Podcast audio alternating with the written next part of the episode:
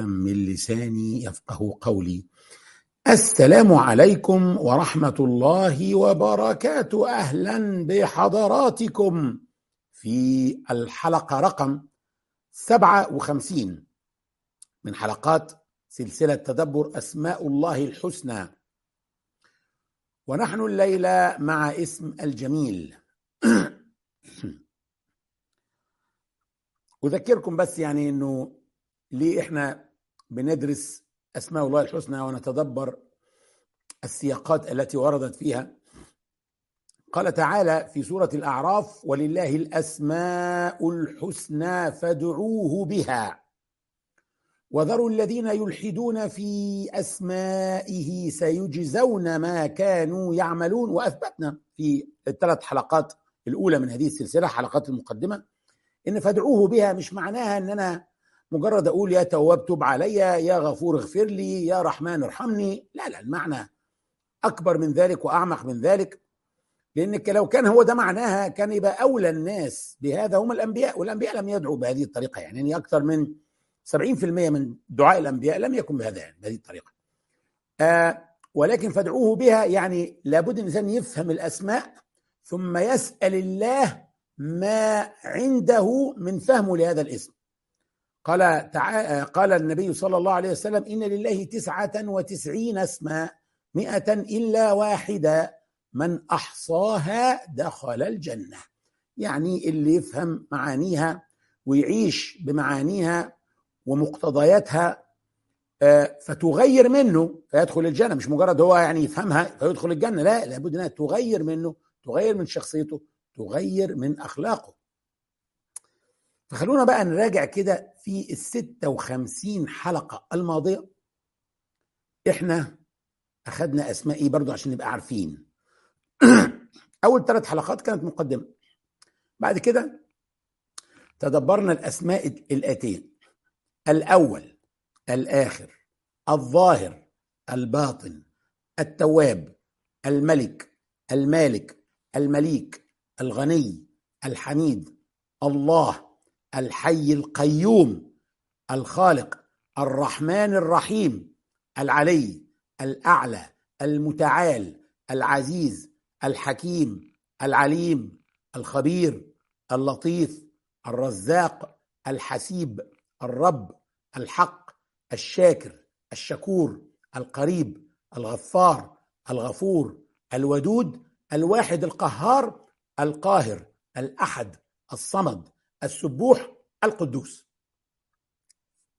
لو تلاحظوا في منهم آه ست أسماء جبتهم مقترنين ببعض أنا بعتبرهم اسم واحد الحي القيوم الرحمن الرحيم والواحد القهار. اللي عايز يعرف ليه بقى يرجع بقى للحلقة بتاعتهم ويشوف بقى لكن أنا مش هقدر أعيد دلوقتي. الليلة نحن مع اسم جميل من أسماء الله الحسنى. أسماء الله الحسنى الحسنى يعني الجميلة بنترجمها حتى بالإنجليزي the beautiful names of Allah. The beautiful يعني الحسنى. هذا الاسم الجميل هو الجميل. يعني الله سبحانه وتعالى من أسمائه الجميل. زي الرحيم الجميل. أين ورد هذا الاسم في القرآن الكريم؟ لم يرد في القرآن الكريم ولا مرة. ولكن ورد في السنة في حديث صحيح. وقلنا إن المصادر بتاعتنا هي القرآن الكريم والسنة الصحيحة. بل حتى الشيخ حسن المنى يعتبر إن القرآن الكريم والسنة الصحيحة مصدر واحد. يقول مصدر القرآن والسنة. عن عبد الله بن مسعود يجيب لكم بقى الحديث اللي إيه ورد فيه. عن عبد الله بن مسعود رضي الله عنه عن النبي صلى الله عليه وسلم قال لا يدخل الجنة من كان في قلبه مثقال ذرة من كبر. أي إنسان عنده ذرة كبر ما يدخلش الجنة. ففي واحد خاف فقال رجل إن الرجل يحب أن يكون ثوبه حسنا ونعله حسنا. يعني الواحد مننا بيحب إنه يبقى لابس توب. جميل كده. ونعل جزمة. برضه حلوة شيك يعني. فالراجل خايف يقول يعني هل ده من الكبر؟ إني أحب أن ألبس ملابس جميلة وجزمة جميلة إيه المشكلة يعني؟ قال النبي صلى الله عليه وسلم. هو ده الدليل بقى إيه؟ إنه ال ال إن الجميل من أسماء الله الحسنى. قال صلى الله عليه وسلم إن الله جميل يحب الجمال. الكبر بطر الحق وغمط الناس. يعني الله جميل يحب الجمال. مفيش مشكلة إنك عايز تلبس حاجة جميلة مفيش مشكلة في كده. لكن الكبر هو إيه؟ بطر الحق. بطر الحق يعني يكون إنسان شايف الحق بوضوح ومع ذلك يقف مع الباطل. بطر الحق لا يقف مع الحق لا يساند الحق. وغمط الناس هو ظلم الناس والتعالي على الناس واحتقار الناس. خلاص؟ طيب إن الله جميل ده معناه إن خلاص كده يبقى يعني جميل ده يعني اسم لله؟ آه ليه؟ إحنا قلنا. إيه هي المميزات التي تميز اللفظ إنه تجعله اسم في اللغة العربية؟ في ألفية ابن مالك في هذا البيت. ألفية ابن مالك دي خمس لا ما مش مش فاكر هي كم المهم يعني يقول ابن مالك العالم عالم النحو بالجر والتنوين والندى وأل ومسند للاسم تمييز حصل. إن كان اللفظ مجرور يبقى اسم منون يبقى اسم منادى يبقى اسم آه معرف بألف واللام اسم مسند إليه يعني هو يعني يعني له خبر يعني آه يعني يعني يحكى عنه آه آه مبتدأ مثلا وله خبر يبقى هو على طول إيه؟ اسم إن الله جميل منون. جميل اللفظ هنا منون إذا هو اسم الله جميل. له الجمال كله والجلال كله. كل الجمال الموجود في الكون قطرة من جمال الله. جمال الله بنجده في أربع أشياء أساسية. ركز بقى معايا. أوردها ابن قيم الجوزية في القصيدة النونية. نونية بتنتهي بالنون كلها. 5842 بيت. بيشرح فيها عقيدة أهل السنة كلها. طبقا طبعا لمذهبه يعني. هو طبعا المذهب أهل الأثر. اللي هم بيسموا نفسهم السلفيين يعني. يقول في اسم الجميل. وهو الجميل على الحقيقة كيف لا وجمال سائر هذه الأكوان من بعض آثار الجميل فربها أولى وأجدر عند ذي العرفان. فجماله بالذات والأوصاف والأفعال والأسماء والبرهان. لا شيء يشبه آآ آآ لا شيء يشبه ذات ذاته وصفاته سبحانه عن إفك ذي البهتان. ركز في البيت الثالث اللي أنا سايبه لكم على الإيه؟ على الشاشة ده. فجماله بالذات والأوصاف والأفعال والأسماء بالبرهان. في دليل على إن جمال ربنا في ذاته في أوصافه في أفعاله وفي أسمائه. تعالوا ناخد جمال الذات. إيه اللي يخلي سيدنا موسى يتجرأ ويطلب إنه يرى الله؟ الإنسان لا يحب إنه ينظر لشيء مخيف أو دميم ربنا بيقول في سورة الأعراف ولما جاء موسى لميقاتنا وكلمه ربه قال رب أرني أنظر إليك. طلب أنه ينظر إلى إلى الله. الإنسان بيحب ينظر إلى كل ما هو جميل. لذلك سيدنا موسى طلب أنه ينظر إلى الله. إذا سيدنا موسى يعلم متأكد أن الله جميل. ولكن الإنسان في تكوينه الدنيوي لا يتحمل رؤية جمال الله.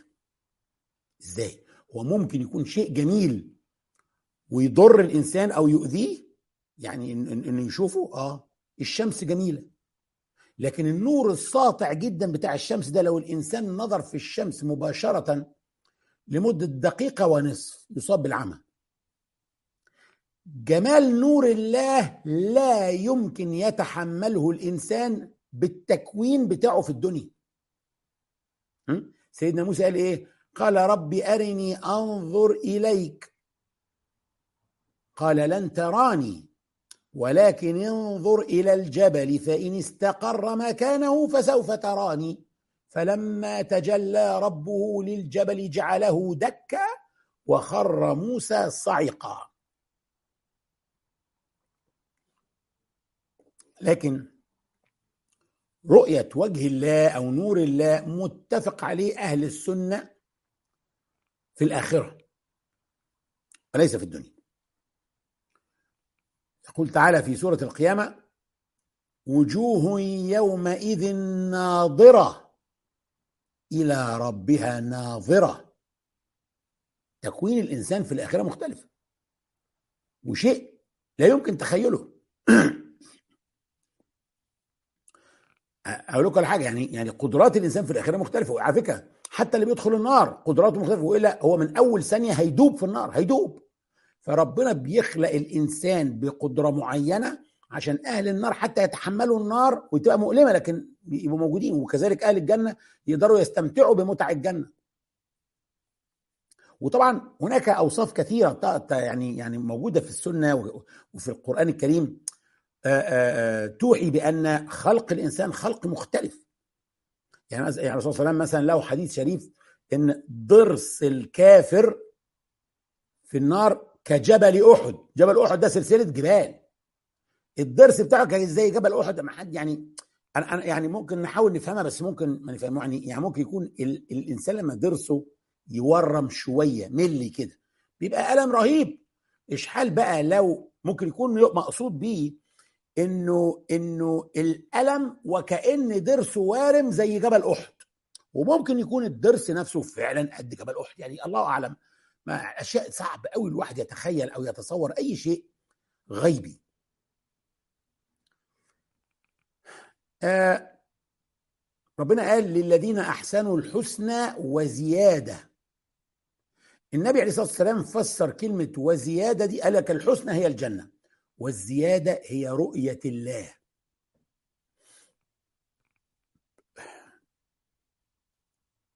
آه في حديث إذا دخل أهل الجنة الجنة نادى مناد إن لكم عند الله موعدا يريد أن ينجزكموه. يعني في وعد من الله ربنا يريد إن هو ينجزه ليكم.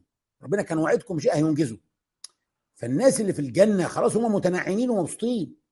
فبيستغربوا فيقولوا إيه؟ قالوا بيكلموا ربنا ألم تبيض وجوهنا؟ ها؟ وتنجنا من النار وتدخلنا الجنة. قال فيكشف عنه فيكشف الحجاب. الحجاب يعني الساتر اللي بيستر اللي بي اللي, بي اللي بيستر بين الناس وبين الله. قال فوالله ما أعطاهم الله شيئا أحب إليهم من النظر إليه. آخر متعة من متع الجنة هيستمتعوا بيها وهيدوقوها هي رؤية وجه الله أو رؤية نور الله رؤية الله ايا كان بقى.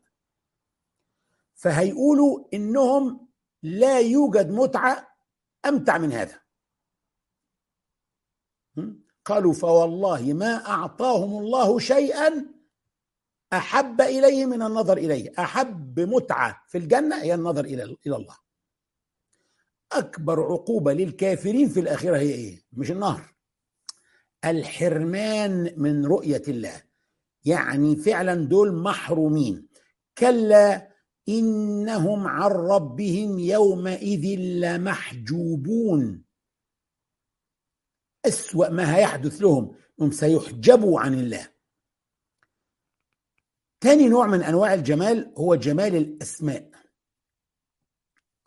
ربنا سبحانه وتعالى بيقول في سورة الإسراء قل ادعوا الله أو ادعوا الرحمن ايما تدعو فله الاسماء الحسنى. اذا الله له أسماء حسنى.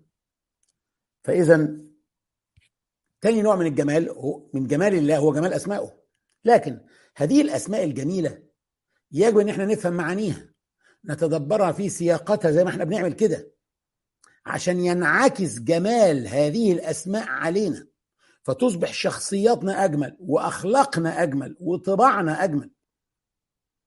ربنا بيقول في سورة الأعراف الآية اللي قرأناها في أول الدرس ولله الأسماء الحسنى فادعوه بها.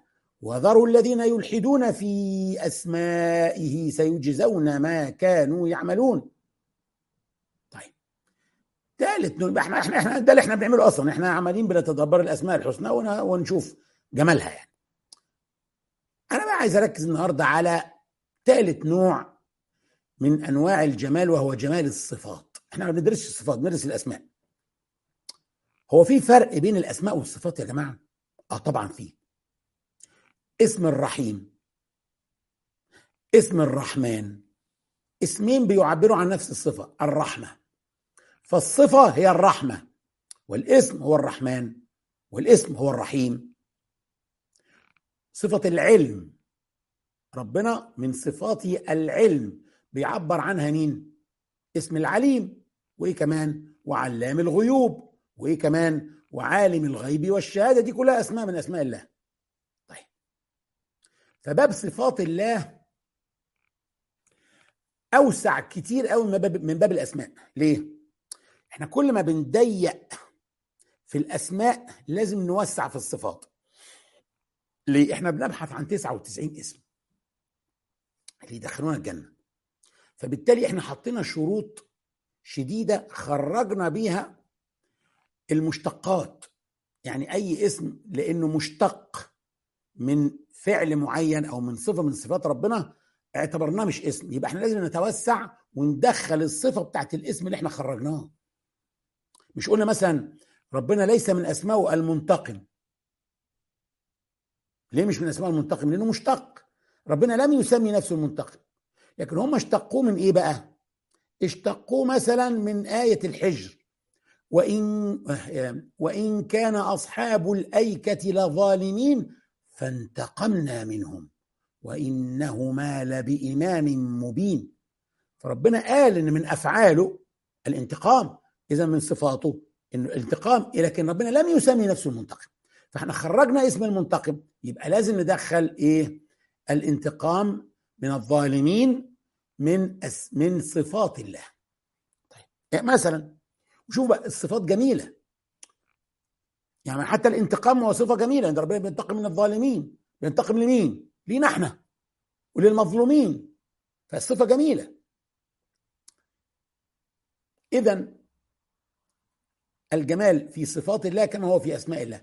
الضحك. صار بقى إن الضحك صفة من صفات الله سبحانه وتعالى.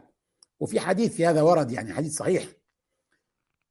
هقراه لكم حديث طويل فمش حاطه على الشاشة. أتى رجل رسول الله صلى الله عليه وسلم فقال يا رسول الله أصابني الجهد. يعني أنا خلاص تعبان وفقير وجعان أنا تعبان.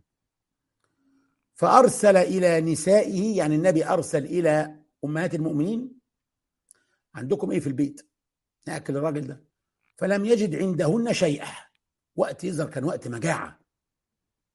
فقال رسول الله صلى الله عليه وسلم ألا رجل يضيفه هذه الليلة يرحمه الله؟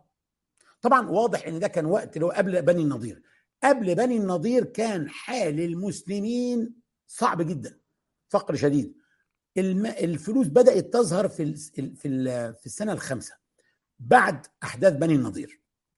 لأن الحكم عليهم كان بترك أموالهم وبيوتهم وزروعهم والجلاء عن المدينة بعد ما حاولوا يغتالوا النبي صلى الله عليه وسلم.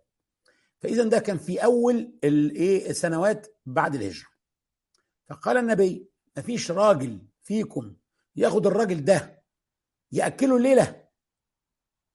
وربنا يعني يعني أسأل الله إنه يرحمه. طبعا دعاء النبي مستجاب. فقام رجل من الأنصار. فقال أنا يا رسول الله. واحد قام إيه؟ اتبرع وإن هو اللي هياخده. فذهب إلى أهله. فقال لامرأته ضيف رسول الله صلى الله عليه وسلم لا تدخريه شيئا. ما فيش حاجة عندك ما تطلعش. كل الأكل اللي عندك يطلع للراجل ده ده ضيف النبي عليه الصلاة والسلام. قالت والله ما عندي إلا قوت الصبية. والله ما عندي إلا الأكل الإيه اللي العيال هياكلوه قبل ما يناموا. ده ضيف النبي. قال فإذا أراد الصبية العشاء فنوميهم. إيه يعني؟ هيقول لهم طيب حاضر اصبروا شوية بتاع لغاية ما يناموا. وتعالي وتعالي اطفئي السراج. هي عملت نفسها بت... بتنور السراج فقال قال خلاص إيه؟ السراج باظ منها ومش راضي يولع. فقعدوا في الضلمة. فاطفئي السراج ونطوي بطوننا الليلة. تعالي إيه ما ناكلش إحنا الليلة. فالسراج ضلمة البيت ضلمة. فالراجل فاكرهم بياكلوا هما الاثنين قاعدين جنبه باكل يعني قاعدين على الطبلية بياكلوا معاه بيمثلوا الأكل وهم مش بياكلوا. ثم غدا الرجل على رسول الله صلى الله عليه وسلم. تاني يوم راح للنبي فقال النبي صلى الله عليه وسلم ضحك الله الليلة أو عجب من فعالكما. فأنزل الله ويؤثرون على أنفسهم ولو كان بهم خصاصة. الشاهد هنا هو كلمة النبي صلى الله عليه وسلم اللي قال فيها ضحك الله الليلة يعني إذا من من صفات الله الضحك. الله يضحك. يضحك بمعنى يرضيه يكون راضي عنكم. ليس ضحك كضحك الإنسان. لكن حتى الصحابة لما سمعوا هذا قالوا الواحد ما يخافش من ربنا بقى الرب بيضحك. ده الواحد ما يخافش منه. رابع نوع من أنواع الجمال هو جمال الفعال. يعني إيه؟ أفعال الله. لما ربنا يرزق كل الخلق المؤمن والكافر والمطيع والعاصي. أنتوا فاكرين ده سهل؟ يعني هو في حد يستطيع يعمل كده؟ انت متخيل لو انت صاحب شركة وكثير من الموظفين والعمال بتوعك مش معترفين حتى بوجودك أصلا ويقولوا صاحب الشركة الشركة دي مالهاش صاحب وانت سامعهم وشايفهم بيقولوا كده في وشك. ومش بيقروا تعليماتك اللي بتنزلها كل يوم عشان الشغل. ومش بينفذوها. مش بيعملوا شغلهم المطلوب منهم. بل أحيانا بعضهم بيسبك ويشتمك. وانت سامع؟ وحتى اللي معترفين بوجودك معظمهم بيعصوك وبيعصوا أوامرك ومش عاملين شغلهم صح. وبالطريقة دي معظم موظفينك كل يوم ما فيش يوم بياخدوا فيه راحة من الكفر والمعاصي الناس. هل هتظل تعطيهم رواتبهم مرتباتهم كل شهر؟ ولا هيجي يوم بعد شهر شهرين ثلاثة هتقول ستوب بقى. يعني يا جماعة تعالوا نشوف إحنا هنكمل إزاي لأن ملهاش لازمة بقى ملهاش أي معنى إني أستمر بقبض الناس رواتب وهم أسلوبهم كده. ده الواحد يقفل الشركة أحسن من وجع الدماغ ده وقلة الأدب دي. لكن الله سبحانه وتعالى بيرزق الكافر من يوم ما يتولد ليوم ما يموت. وهكذا الحال كل يوم إلى أن تقوم القيامة. فهذا هو جمال أفعال الله. لا أحد يستطيع يعمل كده مهما كان صبور. هناك أيضا جمال الأفعال بمعنى الدقة والإتقان في الصنع. يعني ربنا بيقول صنع الله الذي اتقن كل شيء. هذا الإتقان جمال. تناسق الألوان والأحجام شيء مذهل. علماء اللغة خلي بالك قالوا جميل من معانيها مجمل. يعني كريم معناها إنه مكرم بيكرم. أليم معناها إنه مؤلم. مصدر الألم ها؟ جميل معناها مجمل هو الذي يضع الجمال في الأشياء هو الذي يضع الحسن والجمال. ربنا سبحانه وتعالى بيقول خلق السماوات والأرض بالحق وصوركم فأحسن صوركم وإليه المصير. أحسن صوركم يعني جمل صوركم. الجمال في الإنسان خاصة درجتين جمال الباطن وجمال الظاهر. في حديث متفق عليه. يقول فيه عن النبي صلى الله عليه وسلم قال تنكح المرأة لأربع لمالها ولحسبها ولجمالها ولدينها فاظفر بذات الدين تربت يدك. طبعا في ناس مش فاهمين الحديث ده فاكرين إن الرسول صلى الله عليه وسلم بيقول الأربعة دول اتجوزوا الستات عشانهم. لا يقول هي دي كل الأسباب اللي الست بتتجوز عشانها. أي راجل رايح يتجوز ست هيكون حاجة من الأربعة دول أو أكتر من حاجة. المال الحسب يعني بنت مين ومن عيلة إيه والجمال والدين. الدين معناه طريقة الحياة سواء ما يخص العلاقة بالله أو العلاقة بالناس أو الأخلاق يعني. جمال الظاهر تنكح المرأة لجمالها. جمال الباطن تنكح المرأة لدينها. فالجمال الظاهر هو الجمال المذكور لجمالها. لكن جمال الباطن هو الدين هو طريقة الحياة والأخلاق والطباع. فاظفر بذات الدين تربت يداك يعني جمال الباطن أهم. اوعى تجعل جمال الظاهر يخدعك. هو جمال جمال الظاهر ممكن يخدع آه. ليه؟ لأن الجمال بيثير مشاعر الإعجاب في الإنسان. ربنا زرع في فطرة الإنسان حب الجمال. بتشتري عفش لبيتك كنبة مكتبة ترابيزة حاجات تشتري إيه؟ اللي بتشوفه بيعجبك. يعني إيه بيعجبك؟ يعني ما تراه جميلا. اذا الجمال يؤثر في الإنسان فيشعره بالإعجاب. لذلك ده خطر جدا. ممكن الإنسان يعجب بجمال غير حقيقي. شوف ربنا بيقول إيه؟ سورة البقرة. ولأمة مؤمنة خير من مشركة ولو أعجبتكم. ولا تنكحوا المشركين حتى يؤمنوا. ولعبد مؤمن خير من مشرك ولو أعجبكم. يعني إيه؟ يعني حتى لو المرأة المشركة عجبتك أكتر من المؤمنة. يعني شكلها أحلى جمالها أكتر جمال الظاهر. فالمؤمنة خير منها. إزاي خير منها؟ إذا كانت الثانية أجمل. ولا آمة مؤمنة خير يعني أفضل من مشركة ولو أعجبتكم. يعني إيه؟ يعني ممكن يكون الجمال الظاهر بتاع المشركة أكثر. لكن هي خير منها لأن الجمال الباطن عندها أكثر. الدين. المؤمنة خير منها. ليه؟ عشان الجمال الظاهري أقل أهمية من جمال الباطن. خلاص طيب.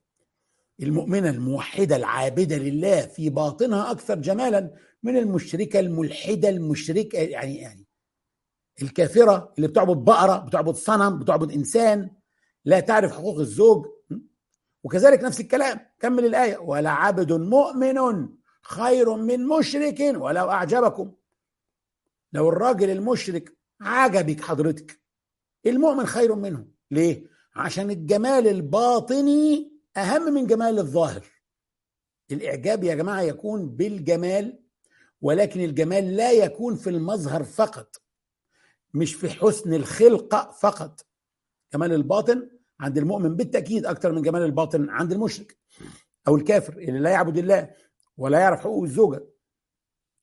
عن ابن مسعود رضي الله رضي الله عنه قال قال رسول الله صلى الله عليه وسلم اللهم كما حسنت خلقي فحسن خلقي. دي سنة الواحد وهو بيتسرح كده وبص في المراية أو بيعدل هدومه يقول اللهم كما حسنت خلقي زي ما حسنت خلقتي الجمال الظاهري. فحسن خلقي حسن طباعي وأخلاقي حسني من الباطن. يبقى الجمال بيعمل إيه؟ بيؤثر في الإنسان بالإعجاب. يعني إيه؟ يعني بيدخل عليه السرور. السرور إيه الدليل؟ ربنا سبحانه وتعالى آه بيقول في سورة البقرة. يقول إنها بقرة صفراء فاقع لونها تسر الناظرين. هنا يقول لك لا. طب ليه ما دام لونها وحش بتسر الناظرين؟ مين قال لونها وحش؟ ما هو بيقول فاقع لونها. لونها فائع. لا. فائع مش فاقع لونها مش معناها فائع بال... بال... بال... بال... بالعامية زي ما إحنا بنستخدمها. لا لا لا. فاقع مش معناها وحش. اللغة العربية في صفات للألوان. بنقول أصفر فاقع أخضر ناضر أو أخضر يانع أبيض ناصع أحمر قاني أسود حالك أو أسود قاتم أزرق صافي. خلاص؟ فده دي صفة اللون. لما نقول صفر بقرة صفراء فاقع لونها يعني لونها أصفر أصفر مش أصفر نخضر شوية أو أصفر يميل للبني لا أصفر أصفر بجد مبهج أصفر فاقع. فاقع يعني لون الأصفر بالظبط تسر الناظرين. تشوف تقول الله إيه اللون الجميل ده؟ اذا الجمال يسر. وإيه كمان؟ ما دام بيسر بيبقى بيدخل البهجة. قال تعالى في سورة النمل أمن خلق السماوات والأرض وأنزل لكم من السماء ماء فأنبتنا فأنبتنا به حدائق ذات بهجة. ال ال ال الإمام الزمخشري في التفسير بتاعه الكشاف آه يقول طبعا إحنا عارفين إن الزمخشري من علماء اللغة يعني تفسير لغوي. يقول أن ما في الحدائق من اختلاف الروائح والأشكال والطعوم يدخل البهجة. الحديقة فيها مناظر حلوة وروائح حلوة وكمان لو هتدوق هتدوق مرة تمرة ومرة مانجا ومرة فراولة ف ده بيدخل البهجة في الإنسان. يبقى البهجة تأثير الجمال على الإنسان. هوريكم دلوقتي صور على فكرة أنا أخدتها بنفسي في كيو جاردنز مش صور بقى معمول لها مثلا فلاتر على الإنترنت كده ولا على الكمبيوتر فعشان تدي الألوان الحلوة دي. لا ابدا. دي صور أنا مصورها وأنا راجل لا أنا متخصص في التصوير ولا حاجة وبالموبايل العادي جدا بتاعي. اتفضلوا بصوا بصوا الجمال. الصورة مش ممكن الجمال اللي فيها. دي كلها ورود وأزهار مختلفة. بصوا جمال الزهرة مع الورقة الورقة المشرشرة الناعمة حاجة رائعة. أنا أنصح والله إن حتى الحتة دي في الفيديو تتفرجوا عليها على شاشة كبيرة. شيء مذهل. يعني دي الزهرة اللي شايفينها دي عبارة عن مثلا ألف زهرة صغيرين جنب بعض. شيء الحقيقة صنع الله الذي أتقن كل شيء. لذلك من وسائل الذكر إن الإنسان مش بس يتدبر القرآن ساعة كل يوم لا ويتدبر في خلق الله في الكون ويقول صنع الله الذي أتقن كل شيء. كل شيء ربنا خلقه متقن والواحد يقدر يستشعر فيه قدرة الله. مين اللي أعطى الزهور دي هذا الجمال؟ ده الواحد يا جماعة معلش ثانية واحدة الواحد لما بيقعد في الشارع ثلاث أربع ساعات بيبقى مطرب وبيتوسخ وبيروح يستحمى عشان ينزل البلاوي اللي اتجمعت عليه. الزهور دي طالعة من الأرض أصلا يعني من قلب التراب والعفار وعلى طول في العراء مش محطوطة جوه لا ده الزهرة دي موجودة في, في, في قلب العفار والتراب في العراء على طول. ومع ذلك فهي بهذا الجمال وتدخل على القلب الباهجة طب مين اللي جملها؟ الجميل. مم. طيب. بالمناسبة دي بمناسبة الجمال بقى ده الماج الجديد بتاع بريدجز. ده ولا ده؟ ده القديم وده الجديد. وقولوا لي رأيكم بقى إيه في ده التركي الجديد. بيقولوا لي رأيكم في التعليقات ونراكم غدا بإذن الله في نفس هذا الموعد عشان نتمم مع بعض تدبر اسم الله الجميل. إني داع فأمنوا اللهم أنت ربنا خلقتنا ونحن عبيدك وإماؤك نواصينا بيدك. ماض فينا حكمك عدل فينا قضاؤك. اللهم ربنا ورب السماوات ورب الأرض ورب كل شيء ومليكه. فالق الحب والنوى. منزل التوراة والإنجيل والقرآن العظيم. نعوذ بك من شر كل دابة أنت آخذ بناصيتها. أنت الأول فليس قبلك شيء وأنت الآخر فليس بعدك شيء وأنت الظاهر فليس فوقك شيء وأنت الباطن فليس دونك شيء. اقض عنا الدين وأغننا من الفقر. اللهم أنت الله لا إله إلا أنت أنت الغني ونحن الفقراء إليك. اللهم أغننا بالافتقار إليك. ولا تفقرنا بالاستغناء عنك. نعوذ بك من الفقر إلا إليك. اللهم اكفنا بحلالك عن حرامك وأغننا بفضلك عمن سواك. اللهم ما أمسى بنا من نعمة أو بأحد من خلقك فمنك وحدك لا شريك لك. فلك الحمد ولك الشكر.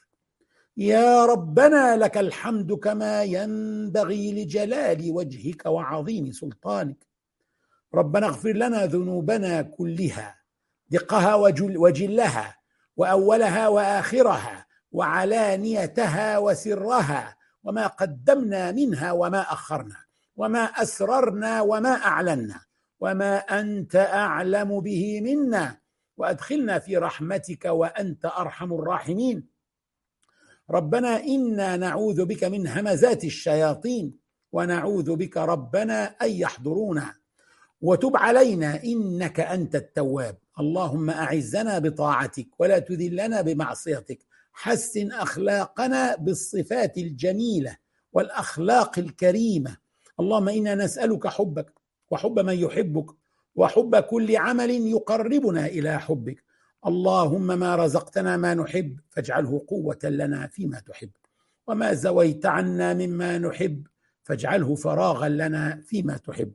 اللهم اجعل حبك أحب إلينا من أهلنا وأموالنا ومن الماء البارد على الظمأ. اللهم حببنا إليك وإلى ملائكتك وأنبيائك ورسلك وعبادك الصالحين.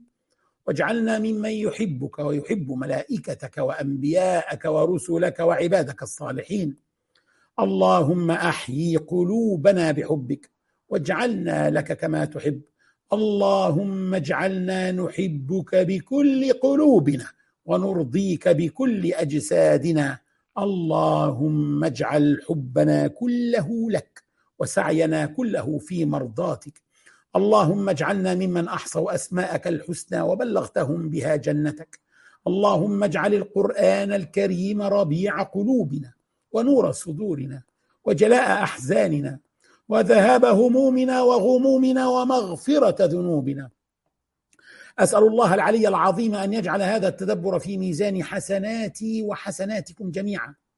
اللهم فاطر السماوات والأرض عالم الغيب والشهادة. أنت تحكم بين عبادك فيما كانوا فيه يختلفون فبحق كل حرف في كتابك تلوناه أو تدبرناه. اكفنا وأهلينا وإخواننا وأخواتنا شر كل من يكيد لنا ولهم. واحفظنا وإياهم من شرورهم. ونجعلك اللهم في نحورهم. فأنت الوكيل ولا حول ولا قوة إلا بك. اللهم بحق كل حرف في كتابك تلوناه أو تدبرناه أيد بنصرك المرابطين في الأرض المباركة فلسطين. يا حي يا قيوم برحمتك نستغيث. اللهم سدد رميهم وخيب رمي عدوهم. اللهم إنك إن تنصرهم تنصر أولياءك على أعدائك. وكن مع إخواننا في تركستان الشرقية وفي الشام وفي كشمير وفي الهند. انصر من نصرهم. واخذل من خذلهم وطهر المسجد الأقصى من الدنس فإنهم لا يعجزونك. اللهم احفظ المسلمين من الزلازل والغرق والهدم والأمراض. اللهم يا من جعلت النار بردا وسلاما على إبراهيم اجعل السجن بردا وسلاما على عبادك المأسورين وإمائك المأسورات. عجل بفرجهم أحسن خلاصهم فرج كربهم. كن مع المبتلين من عبادك المهجرين من ديارهم. ضاعف ثوابهم ثبتهم على دينهم. إن كانوا جياع فأطعمهم إن كانوا حفاة فاحملهم إن كانوا عراة فاكسهم إن كانوا مرضى فعافهم إن كانوا مقهورين فانصرهم. واشف صدور عبادك ممن ظلمهم. فارهم فيه يوما كاليوم الذي شققت فيه البحر لموسى وهارون. وأغرقت فيه عدوك وحسبنا الله ونعم الوكيل. اللهم اشف مرضانا واهد شبابنا وارض عنا ورضنا واجمعنا في ظل عرشك يوم لا ظل إلا ظلك. واسقنا من يد سيدنا محمد شربة هنيئة لا نظمأ بعدها أبدا. ولا تحرمنا لذة النظر إلى نور وجهك الكريم. اللهم إنك تعلم أن هذه القلوب قد اجتمعت على كتابك وعلى محبتك. والتقت يا ربنا على طاعتك وتوحدت على دعوتك وتعاهدت على نصرة شريعتك. فوثق اللهم رابطتها وأدم ودها واهدها سبلها واملأها بنورك الذي لا يخبو واشرح صدورها بفيض الإيمان بك وجميل التوكل عليك. وأحيها يا ربنا بمعرفتك وأمتها يا مولانا على الشهادة في سبيلك. إنك نعم المولى. ونعم النصير وصلي اللهم وسلم على سيدنا محمد وعلى آله وصحبه ومن تبع هداه. والسلام عليكم ورحمة الله. ونراكم غدا بإذن الله في نفس هذا الموعد إن كنا من أهل الدنيا. السلام عليكم.